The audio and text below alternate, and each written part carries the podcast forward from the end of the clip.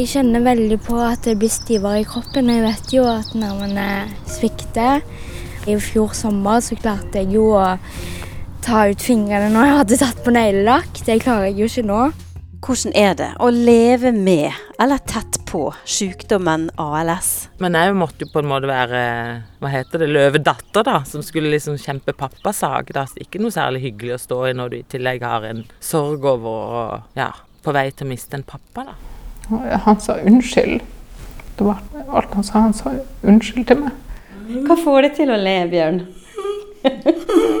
Du bare ler bare ved tanken. Og hvis andre gjør noe som er komisk, så ler du.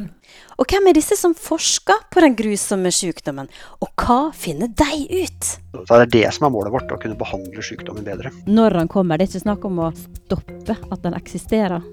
Jo, det kan det også være, da. Lytt til podkasten Stopp ALS. Du finner den der du laster ned dine podkaster. Stopp ALS er produsert for ALS Norge.